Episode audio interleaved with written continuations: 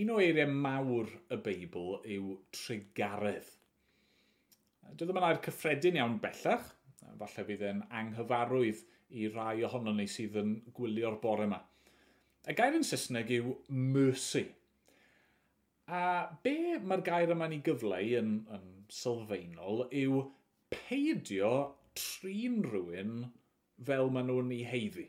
Dyna yw trigaredd trigarhau, peidio roi i yn ôl eu heiddiant nhw. A falle mae dyna yn rannol pam dwi e ddim yn air cyfarwydd iawn, ddim yn air poblogaidd iawn.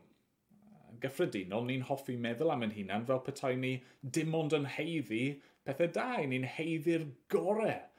Um, oedd gennych chi'r hysbysebion enwog yna, because I'm worth it yn anffodus dim dyfu'r gwallt i, i daflu o hamgylch. Ond dyna sydd ni'n hoffi meddwl amdano ni'n hunan. Ni ddim yn hoffi meddwl am ein hunan fel rhai sydd angen trigaredd. Angen i rywun tosturio wrtho ni. Ond, mae yna'r pwerus iawn. I'r rheini sydd yn ymwybodol o'i hangen nhw. I'r rheini sydd yn fodlon gweld eu hunan yn y ffordd yma, gweld eu pechod nhw, gweld eu methiant nhw. I berson sydd wedi dod yn ymwybodol bod nhw wedi syrthio'n fer o safon diw a ddim yn heiddi unrhyw beth ganddo fe ond am ei farnau, cosb, melldyff am ein pechod ni, mae'r syniad o drigaredd bod Dyw ddim yn ein trin ni fel un ni'n ei heiddi, mae hynny yn beth pwerus, yn beth hyfryd iawn. Yn ein hanes ni'r bore yma, mae Iesu unwaith eto'n mynd i Jerusalem ac mae'n adeg un o'r gwyliau cryfyddol. Ni ddim yn clywed pa un, ond un o'r gwyliau yma oedd yn dathlu trigaredd diw. Y ffordd roedd ei wedi trigarhau a tystyrio wrth y genedl. A tra bod, tra bod e yn Jerusalem, mae Iesu yn mynd i le o'r enw Bethesda. A beth oedd Bethesda oedd pwll, neu digon posib dau bwll, ac o amgylch yr pyllau yma, roedd yna bimp ardal cysgodlyd, uh, lle fydde pobl yn dod, pobl oedd yn sal, pobl oedd yn anghennis, ond nhw'n dod i Bethesda. Ac ystyr Bethesda yw tŷ trigaredd. The House of Mercy. Dyma'r man lle oedd yr anghennus yn dod yn y gobaith bydde Dyw yn tywallt allan ei drigaredd. Bydde Dyw yn ei gwella nhw. A bore yma, wrth i ni edrych ar yr hanes yma gyda'n gilydd, i ni yn mynd i glywed am y tregaredd mae'r arglwydd Iesu Grist yn ei gynnig i chi ac i fi. Nawr, y pwynt cyntaf i fi eisiau ni uh, sylwi arni yw hyn. Uh, Iesu yn iachau. Yna'r peth cyntaf. Tregaredd Iesu yn iachau ac mae'n hollol amlwg yn dydy yn yr adran yma. Mae Iesu'n mynd i Bethesda, Ac mae yna lot o bobl na ni'n darllen yn adnod 3. Yn y cynteddau hyn, byddai tyrfa o gleifion yn gorwedd. Yn ddeillion, a chloffion, a phobl wedi eu parlysu. Nawr, wrth gwrs, yn y cyfnod yma, doedd yna ddim system mewn lle i warchod y bobl yma, i ddarparu ar eu cyfer nhw. Doedd yna ddim wladwriaeth les, welfare state, fel i ni mor ffodus i'w gael heddiw yn ein gwlad ni. A felly bydde dioddau yn un o'r ffyrdd hyn yn gwneud bywyd yn hynod, hynod o anodd. Bydde fe'n golygu bod hi fwy neu lai'n amhosib i berson i weithio er mwyn ennill arian ac i gynnal i hunan. A felly ni'n gallu deall yn rwydd iawn ond i ni pam bod cymaint o bobl yn tyrru i Bethesda. Ni'n gallu deall beth, beth oedd apel y lle hwn, Bethesda, tŷ trigaredd. Ond nhw'n dod yn y gobaith o brofi trigaredd diw. Nawr, dwi e ddim yn hollol amlwg beth o'n nhw'n disgwyl i ddigwydd, neu beth oedd yn digwydd yn y dŵr yma wrth i ni ddarllen mlaen, ni'n clywed bod yna gyfnodau lle oedd y dŵr yn, yn cynhyrfu. A y syniad oedd, pwy bynnag oedd y cyntaf i fynd mewn i'r dŵr ar ôl i'r uh, dyfroedd i gynhyrfu, bydden nhw'n cael i gwella yn cael ei achau. Ac oedd yna gwahanol syniadau gan bobl, neu yna syniadau ddatblygu am pam fod hynny'n wir. A ni ddim cweit yn siŵr pam dwi ddim yn cael ei esbonio i ni fan hyn, ond ta waith am hynny, dyma oedd y bobl yn amlwg yn chwilio amdano fe, yn disgwyl amdano fe, yn gobeithio amdano fe, ond nhw yno i brofi trigaredd. O'n i'n meddwl yn dod ni wythnos diwetha am y dyn yna oedd yn hollol desbryd er mwyn achub ei fab. Methu gweld unrhyw ffordd arall. Wel, dyma i chi dyrfa o bobl desperate, uh, gwbl anghenus, heb unrhyw obaith arall. Ac yng nghanol yr holl bobl yma, mae llyged Iesu'n cael ei ddenu at unigolyn. Yn adnod 5, ni'n clywed hyn. Yn ei plith roedd dyn a fi'n wael ers deunaw mlynedd ar hugain pan welodd Iesu ef yn gorwedd yno, a deall ei fod fel hyn ers amser maith, gofynodd iddo, a wyt ti'n dymuno cael dy wella? Oedd sefyllfa'r dyn yma yn arbennig o driennus. Ni'n clywed fod wedi dioddef am 38 o flynyddoedd. Nawr, ni ddim yn gwybod beth oedd i oedran e, ond mae 38 o flynyddoedd yn amser hir. Um, Mae'n fwy o amser nag i fi wedi bod yn fyw. Ni ddim yn gwybod faint oedd y dyn yma wedi bod yn disgwyl y Methesda. Ni ddim yn gwybod pa mor aml oedd e'n dod at y pwll yma yn y gobeith o gael ei iachau. Ond yr awgrym yw bod e wedi bod yn amser hir iawn. Doedd dim doctor yn gallu helpu ef hyd yn oed os oedd ganddo fe'r arian i dalu am un. A felly dyma lle mae y, y, y dyn yma wrth y pwll yn aros ar ei ben ei hun. Mae'n unig, yn dydy. Does neb gyda fe. Mae'n dweud bod yna neb yno i'w helpu e i fewn i'r dŵr. Does yna neb sydd yn gallu i gynorthwyo fe. Does yna neb, a gweud y gwir, yn sylwi arno fe. Neb yn ei weld e. Neb yn gallu ei achub e. Neb ond Iesu. Mae Iesu yn ei weld e. Mae Iesu yn gwybod be mae'r dyn yma wedi bod trwyddo. Mae'n gwybod be mae e wedi i ddioddau. Ac wrth edrych ar y dyn yma yn i, i driennu, mae Iesu yn trigarhau. Sa'n gwybod yn union pwy sy'n gwrando ar yr oedfa hon bore yma. Allai fod yn sicr bod yna rai yn gwrando sydd wedi bod trwy brofiadau ofnadwy pobl sydd yn mynd trwy bethau arbennig o anodd, arbennig o boenus. Bydd yna rai yn gwrando sydd wedi bod yn gwynebu'r sefyllfaoedd yma am, am flynyddoedd. Falle bod yna rhywbeth yn eich bywyd chi y bore yma, ac dwi e ddim yn amlwg fel oedd problem y dyn yma yn amlwg, falle bod y mwyafrif o bobl yn eich bywyd chi, a bobl o'ch cwmpas chi, dyn nhw ddim yn gwybod dim am y sefyllfa. Chi methu siarad am y peth. Chi ddim yn gwybod siwd i siarad am y peth. A chi wedi trio popeth a stym byd wedi gweithio.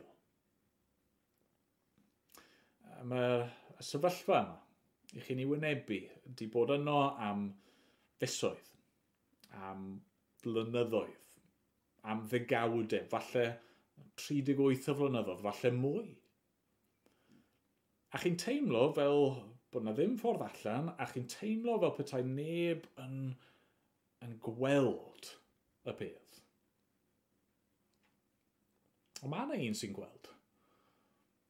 A mae Iesu yn gweld.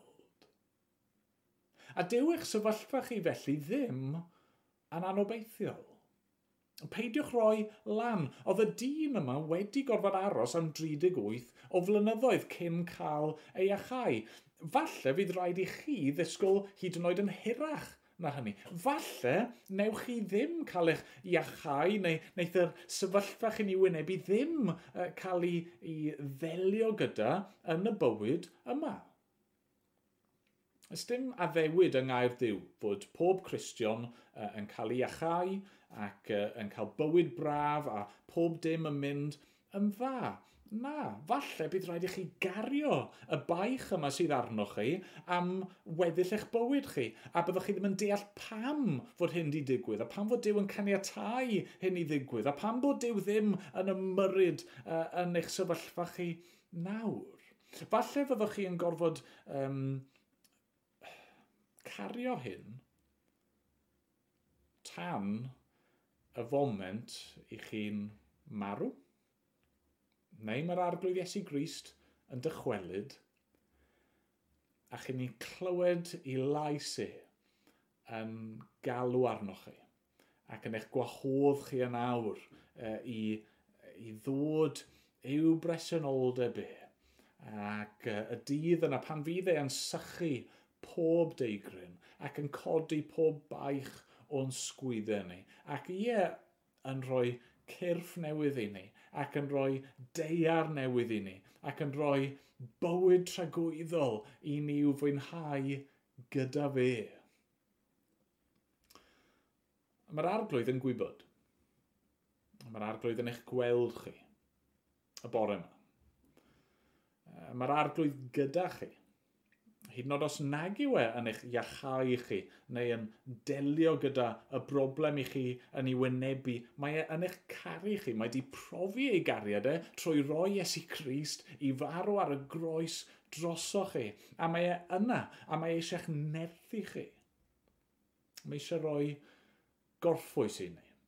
Mae eisiau ni brofi heddwch o wybod bod e yn ddew i ni a ni yn bobl iddo fe. Nawr mae hyn yn dod yn ni at yn ail bwynt ni'r bore yma, syniad yma o orffwys. Yr ail beth i fi eisiau ni i weld yw hyn. Trigaredd Iesu yn rhoi gorffwys. Trigaredd Iesu yn rhoi gorffwys. Mae Iesu yn gweld y dyn ac yn yr achos yma mae e yn ymyryd ac yn ei wella fe. Ac uh, Ar ôl i wella, mae Iesu ni anfon e ar ei ffordd yn dod adnod 8. Mae'n ei Iesu wrtho cod, cymer dy fatras a cherdda.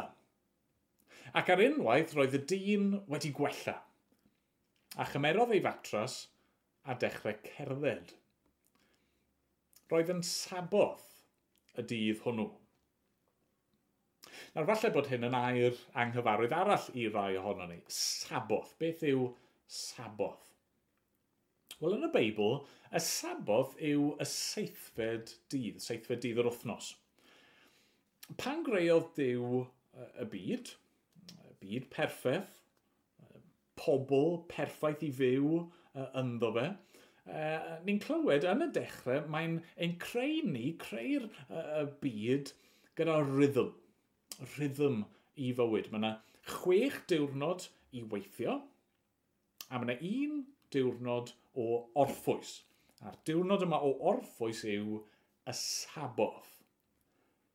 A felly, pan ni'n cyrraedd diwedd hanes y creu, mae ydych chi chydig bach o, o densiwn, achos mae Dyw wedi gorffen ei waith e, o greu, ac uh, mae'n gorffwys, mae'n dechrau ar y, y gorffwys yma gyda'i bobl e, ac eto ar yr un pryd, wrth gwrs, um, dydy Dyw ddim angen gorffwys. Mae'n dewis treulio'r amser yma gyda'i bobl e. Uh, ond mae Dyw hefyd, wel, ar un lefel yn gweithio o hyd wrth ein cynnal ni a, a cadw y greadigaeth i fodoli. Ond yna wrth gwrs, chi'n darllen ymlaen yn llyfr Genesis a mae gennym ni hanes y cwymp. Mae'r byd perffaith a'r ddynoliaeth berffaith yn syrthio i bechod. Mae'r byd a'r rhythm yma i fywyd yn cael ei, ei thorri. Mae gwaith yn troi yn lafur am pleserus. A ein temtasiwn ni nawr fel pobl yw, yw i weithio, gweithio, gweithio. Peidio gorffwys, ond gweithio, gweithio, gweithio er mwyn darparu i ni'n hunan. Er mwyn ennill bywyd i ni'n hunan. Er mwyn ennill tragwyddoldeb i ni yn hunan.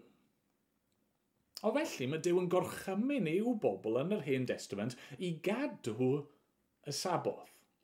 Mae'n dweud, os ych chi'n bobl arbennig i fi, a fi eisiau chi fyw allan nawr fy mwriad i ar eich cyfer chi o'r cychwyn. Ie, gweithio chwech diwrnod, ond yna gorffwys. Pob wythnos, fi eisiau chi i atgoffa chi na pwy ydych chi? Chi'n bobl wedi'ch creu ar lun a delw diw. Pwy ydw i? Fi yw'r diw sydd yn achub chi ac yn eich cynnal chi. A felly oedd y saboth yma yn wyliau wythnosol, gorffwys wythnosol. Oedd hefyd yn pwyntio'r bobl ymlaen i'r gorffwys tragwyddol mae Dyw yn ei gynnig i ni. Na mae hynny uh, yn ddiddorol iawn, achos uh, siwr o fod cyd-ddigwyddiad yw hyn, ond on, fi'n gorfod nodi'r peth. Oedd y dyn yma, chi'n cofio, wedi bod yn dioddau am 38 o flynyddoedd.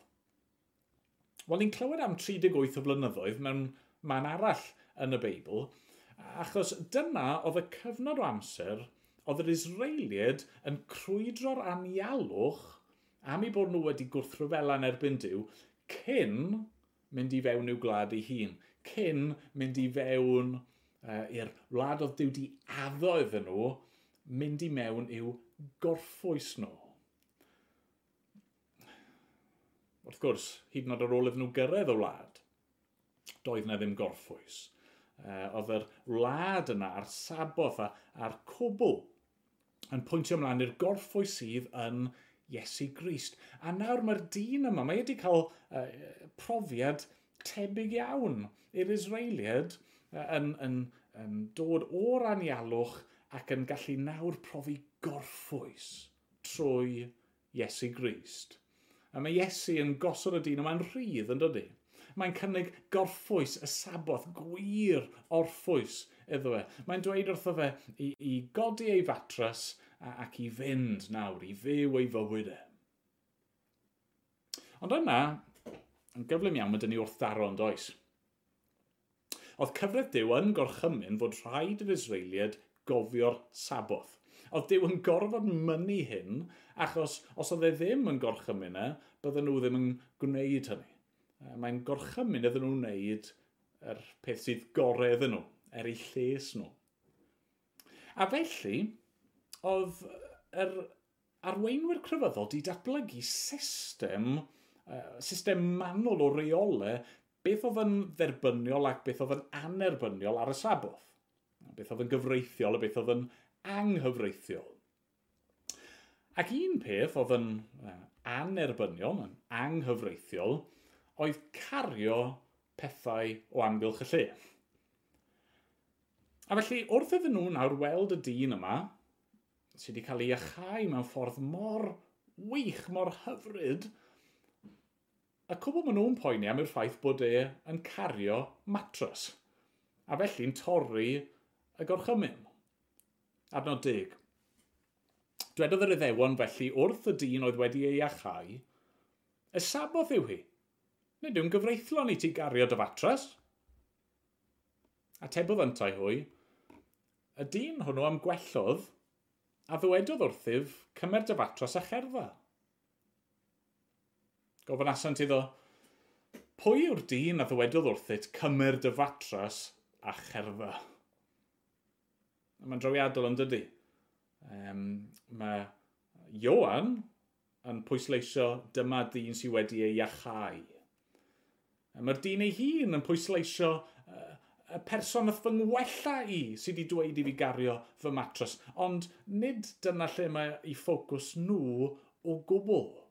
Maen nhw'n hollol ddi-drigaredd.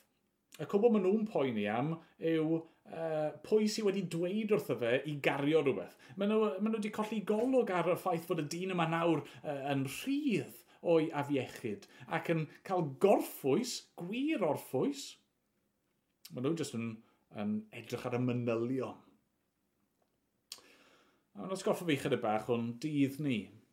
Ni wedi gweld llawer o'r ysbryd uh, ddidrigaredd yma yn do uh, yn un, yn un cymdeithas ni. Mae person falle'n gwneud rhywbeth ac uh, neu'n dweud rhywbeth a, a mae pobl yn anghytuno gyda nhw, ond does yna ddim faddeiant yn bosib os e na mae'r person na jyst yn cael e, ei, ei gwrthod a'i parddio yn llwyr. Felly mae Iesu'n gofod dweud wrth rhain, dalwch mlaen. Chi ddim di deall. Mae Dyw uh, yn gweithio hyd yn oed ar y saboth. Mae Dyw yn gwneud daioni. Bwriad y saboth yw i rhoi rhyddid a gorffwys, a dyna'r union beth i fi di dod i'w gyflawni. Nawr, wrth gwrs, beth sy'n drawiadol yw pan ni stopio am funud ac yn meddwl oherwydd be mae Iesu'n gwneud fan hyn yn rhoi gorffwys a rhyddid ar y saboth mae'r iddewon yn cynllunio neu'n dechrau cynllunio i'w ladd e. A beth sy'n mynd i ddigwydd? Wel, mae e'n mynd i gael ei groeshoelio – mae ei gorffau e yn mynd i cael ei osod mewn bedd dros y saboth uh, yn gorffwys uh, yn uh, y bedd, ond yna, ar y trydydd dydd, mae'r arglwydd Iesu yn mynd i godi. Ie, yeah, dydd cyntaf o'r wythnos, dydd yr arglwydd, y dydd i ni heddiw yn ei fwynhau ac yn ei ddathlu, achos nawr trwy ffydd uh, i ni yn dechrau ar y bywyd newydd, ar gorffwys mae Iesu di ennill ar ein rhan ni. Na, mae hyn yn dod â ni at uh, un pwynt ola. Sef trigaredd Iesu yn rhoi bywyd newydd. Trigaredd Iesu yn rhoi bywyd newydd. Rhywbryd yn ddiweddarach, mae Iesu yn chwilio am y dyn yma. Ac yn hyfryd iawn lle mae e'n ffeindio y dyn, wel, mae e mynd i tŷ tregaredd arall. Mae e di mynd i'r deml. Adnod 14. Maes o law daeth Iesu o hyd i'r dyn yn y deml. Ac meddai wrtho, dyma ti wedi gwella, paid a phechu mwyach. Rag i rhywbeth gwaith ddigwydd i ti. Mae Iesu'n ffeindio'r dyn yn y man lle oedd y bobl yn mynd i brofi trigaredd Dyw, wrth i'r aberthau cael eu cynnig yn eu lle nhw. Mae'r iachad mae'r dyn yma wedi profi'n ei gorffau e, yn arwydd o'r, or um, bywyd newydd uh, mae'r arglwydd Iesu yn cynnig i bob un sy'n credu ynddo fe. Ond mae Iesu sylwch yn rybuddio fe, dyma ti wedi gwella, paid a phechu mwyach rhag i rhywbeth gwaith ddigwydd i ti. Nawr, mae'n anodd deall yn union be mae Iesu'n golygu fan hyn.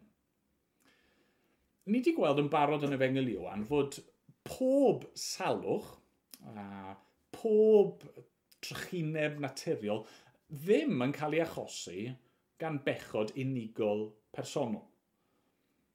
Ac uh, yn sicr, does na ddim lle o gwbl i ni bwyntio'n bus ni at berson a dweud ti yn sal neu ti yn dioddau uh, y peth yma, ti'n mynd trwy hyn oherwydd dy bechod di. Mae hyn yn gosb gan ddiw. I, I ni ddim yn gallu gwneud hynny, ni ddim yn gallu gweud hynny. Ond dyw hynny ddim yn golygu nad yw pechod a gwrthryfel personol weithiau yn arwain at gosb gan ddiw. Hynny, mae modd i ni edrych yn ein bywyd yn hun a gofyn y cwestiwn, ydy Dyw yn dangos rhywbeth i fi fan hyn? Ydy hyn di digwydd i fi am fy mod i yn gwrthryfela yn erbyn yr arglwydd? E, I ni'n gweld sawl enghraifft yn y testament newydd. Pobl yn mynd yn sal pobl hyd yn oed yn marw pam, wel oherwydd i pechod nhw, oherwydd bod nhw uh, yn parhau mewn gwrthryfel yn erbyn Dyw. A felly, y cwestiwn yw, beth am y dyn yma? Oedd e wedi ei daro'n sal am ryw bechod penodol, a felly di dioddau canlyniadau hynny am y 38 yma o flynyddoedd? Neu, Oedd ei salwch e yn ganlyniad o um, effeithiau cyffredinol pechod a, a, a byd syrthiedig yma. Yr ateb yw, ni ddim yn gwybod. Mae hynny rhwngddo fe a Dyw. Mewn un ystod, dyw ddim yn gwneud llawer o wahaniaeth ydy, e? achos yr un gair sydd gan yr arglwydd Iesu iddo fe ac i ni yn naill ffordd yn yr llall. Mae'n ein galw ni i gyd, pob un, i edifeirwch. Mae'n dweud wrthoch chi ac wrtho fi, paid a phechu mwyach rhag i rhywbeth gwaith ddigwydd i ti. Chi'n gweld, os i chi uh, di bod yn byw bywyd yn gwrthwynebu'r arglwydd, yn gwrthryfelan, codi dwrn yn ei erbyn e mewn ffordd amlwg iawn. Neu, Os i chi wedi bod yn berson ddigon parchus, yn trial achub eich hunan trwy fywyd o weithredoedd da, yn naill ffordd na'r llall, ac i bawb yn y canol, lle bynnag i chi, mae yna bwynt yn dod i ni gyd lle ni'n gorfod cydnabod ein pechod a lle ni'n gorfod edif ar hau. I ni gyd angen cyrraedd y pwynt yma lle ni'n dod i di drygaredd a gweld bod ni angen trygaredd a bod ni'n methu achub yn hunan, bod ni'n gorfod taflu'n hunan ar drygaredd Dyw. Mae yna bwynt lle ni'n gorfod dod a, a stopio gweithio uh, yn erbyn Dyw, a stopio gweithio er mwyn treol achub yn hun, a derbyn y gorffwys mae Iesu a Iesu'n unig yn ei gynnig. Ond pan ni wedi wneud hynny, a pan ni wedi troi o'n hen fywyd a troi mewn ffydd at Iesu a dechrau ddilyn e, ni, mae yna rhywbeth wedi newid. A gallwch chi nawr ddim mynd nôl i'ch hen batrwm o fyw. A mae'n ahosib, os i chi wedi'ch credu, uh, uh, wedi credu, os i chi wedi'ch achub, chi nawr yn greadigaeth newydd. Chi ddim yr un person o chi o'r blaen. Chi'n rhan nawr o deulu dew, chi'n un o blant dew chi wedi profi tregaredd. A chi wedi mynd i fewn i'r gorffwys hyfryd yna. Sut gallwch chi fynd nôl i fyw fel o'ch chi o'r blaen? Mae'n ma, amhosib. A felly mae Iesu'n rybuddio fan hyn, os ych chi ddim yn newid, hynny yw os ych chi'n aros yn eich pechod chi, neu os ych chi ar ôl cyfnod yn, yn dychwelyd at eich pechod chi, wel chi'n dangos yn di chi bod na ddim newid wedi digwydd yno chi o gwbl. E, fod e just yn, yn newid allanol, fod eich calon chi ddim wedi newid. Chi ddim wedi profi yr, yr geni yna, o ddichod. Um, chi ddim wedi yfed o'r dŵr bywiol sydd yn tarddu i fywyd tragwyddol A felly, os yw hynny'n wir amdano chi, os chi'n dangos trwy'ch gweithredoedd beth yw stad eich calon chi, bod chi dal uh, yn golledig, wel mae yna rhywbeth gwaith i ddod. Rhywbeth gwaith, cofiwch, na dioddef am 38 o flynyddoedd. A peth gwaith yna yw be mae'r Beibl yn ei alw yn effern. Be mae Iesu'n ei ddweud fan hyn? Wrth gyfeirio at rhywbeth gwaith sy'n gallu digwydd i ni yw, yw'r cosb cyfiawn yna. Y cosb yna ni'n ei heiddi am ein pechod. Tragwyddoldeb o dderbyn beth i ni yn gofyn amdano fe gan ddew, sef bod e uh, yn, yn ein cosb i ni. Ond mae Iesu fan hyn yn cynnig rhywbeth arall i ni, yn dydy? Mae ein fodlon cymryd beth i ni'n ei heiddi arno fe ei hun ar y groes er mwyn cynnig trygaredd a bywyd i ni. Mae'n roi yr hyn mae ein ei heiddi i ni. Bywyd trygwyddol. Nawr sonia sy'n gynharach fod um, yr adnodau yma i ni wedi edrych arni yn, yn rhan o adran sy'n rhedeg trwy penod 5 uh, i gyd. Ac mae'r geiriau olaf yma, adnod 18, yn rhyw fath o bontio i'r adran nesaf a maen nhw'n mynd i uh, cael ei esbonio i ni yn yr adran nesaf. Felly, sa eisiau treulio uh, llawer o amser fan hyn, ond mae'n rhaid i fi gyfeirio uh, atyn nhw.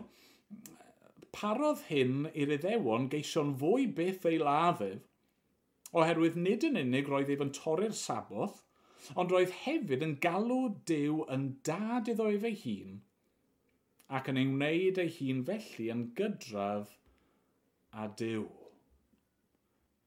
Mae'n amlwg fod Iesu fan hyn yn cyflwyno ei hun i ni fel Dyw yn y cnawd oedd yr iddewon yn gweld hynny, ond yn deall hynny, yn hollol glir uh, fod yr hyn oedd Iesu'n ei ddweud, yr honiadau oedd e'n gwneud amdano fe ei hun, yn golygu fod e'n yn, yn gwneud ei hun yn gydradd a diw. Wel, mae rai pobl yn gwadu hynny am Iesu. Maen nhw'n dweud, o na, oedd Iesu ddim yn deall ei hun yn y ffordd yna, oedd e'n dod fel athro da oedd e'n dod fel esiampl i ni i'w ddilyn a, a phob math o bethau eraill. Ond na, dyw'r opsiwn na ddim yn cael ei roi i ni. Mae Iesu yn cyflwyno ei hunan i ni fel Dyw. A felly, e, na ni feddwl fwy am hyn wythnos nesaf os Dyw a'i mynd, ond am nawr, i ni'n gorfod gwynebu'r penderfyniad yma. Um, a mae'r opsiynau yma wedi cael ei gwneud yn, yn enwog ac yn, mewn ffordd clir iawn i ni gan yr awdur C.S. Lewis. Dyma fe'n dweud am Iesu, mae'n rhaid i ni benderfynu, a oedd Iesu yn wallgof, hynny yw oedd e yn credu y pethau yma amdano fe ei hun, ond doedd y pethau yna ddim yn wir. Neu oedd Iesu just yn dweud celwydd, hynny oedd e'n gwybod bod e ddim yn fab diw, ond oedd e'n dweud hynny tybydd Neu, oedd e'n dweud y gwir. Chywel, os oedd Iesu'n wallgo, wel, dim reswm dyn ni gredu yn rhywbeth mae'n ei ddweud. Os oedd Iesu'n dweud celwydd, os oedd e just yn conman, yn ffrod, wel eto, does dim reswm dyn ni i dal i sylw i unrhyw beth mae'n ei ddweud, oedd e'n gelwyddgu. Ond os mae fe yw mab diw, os mae'n dweud y gwir, yna mae'n rhaid i ni dderbyn be mae'n ei ddweud, a mae'n rhaid i ni ymateb iddo fe. Diolch byth, mae e yn dweud y gwir. Mae yna drygaredd i bobl fel chi a fi. Diolch iddo. Amen. Amen. Wrth i ni orffen ein oedfa ni, y bore yma ni'n mynd i gannu unwaith eto gyda'n gilydd. Gadwch ni ganu mawl i'n diw ni.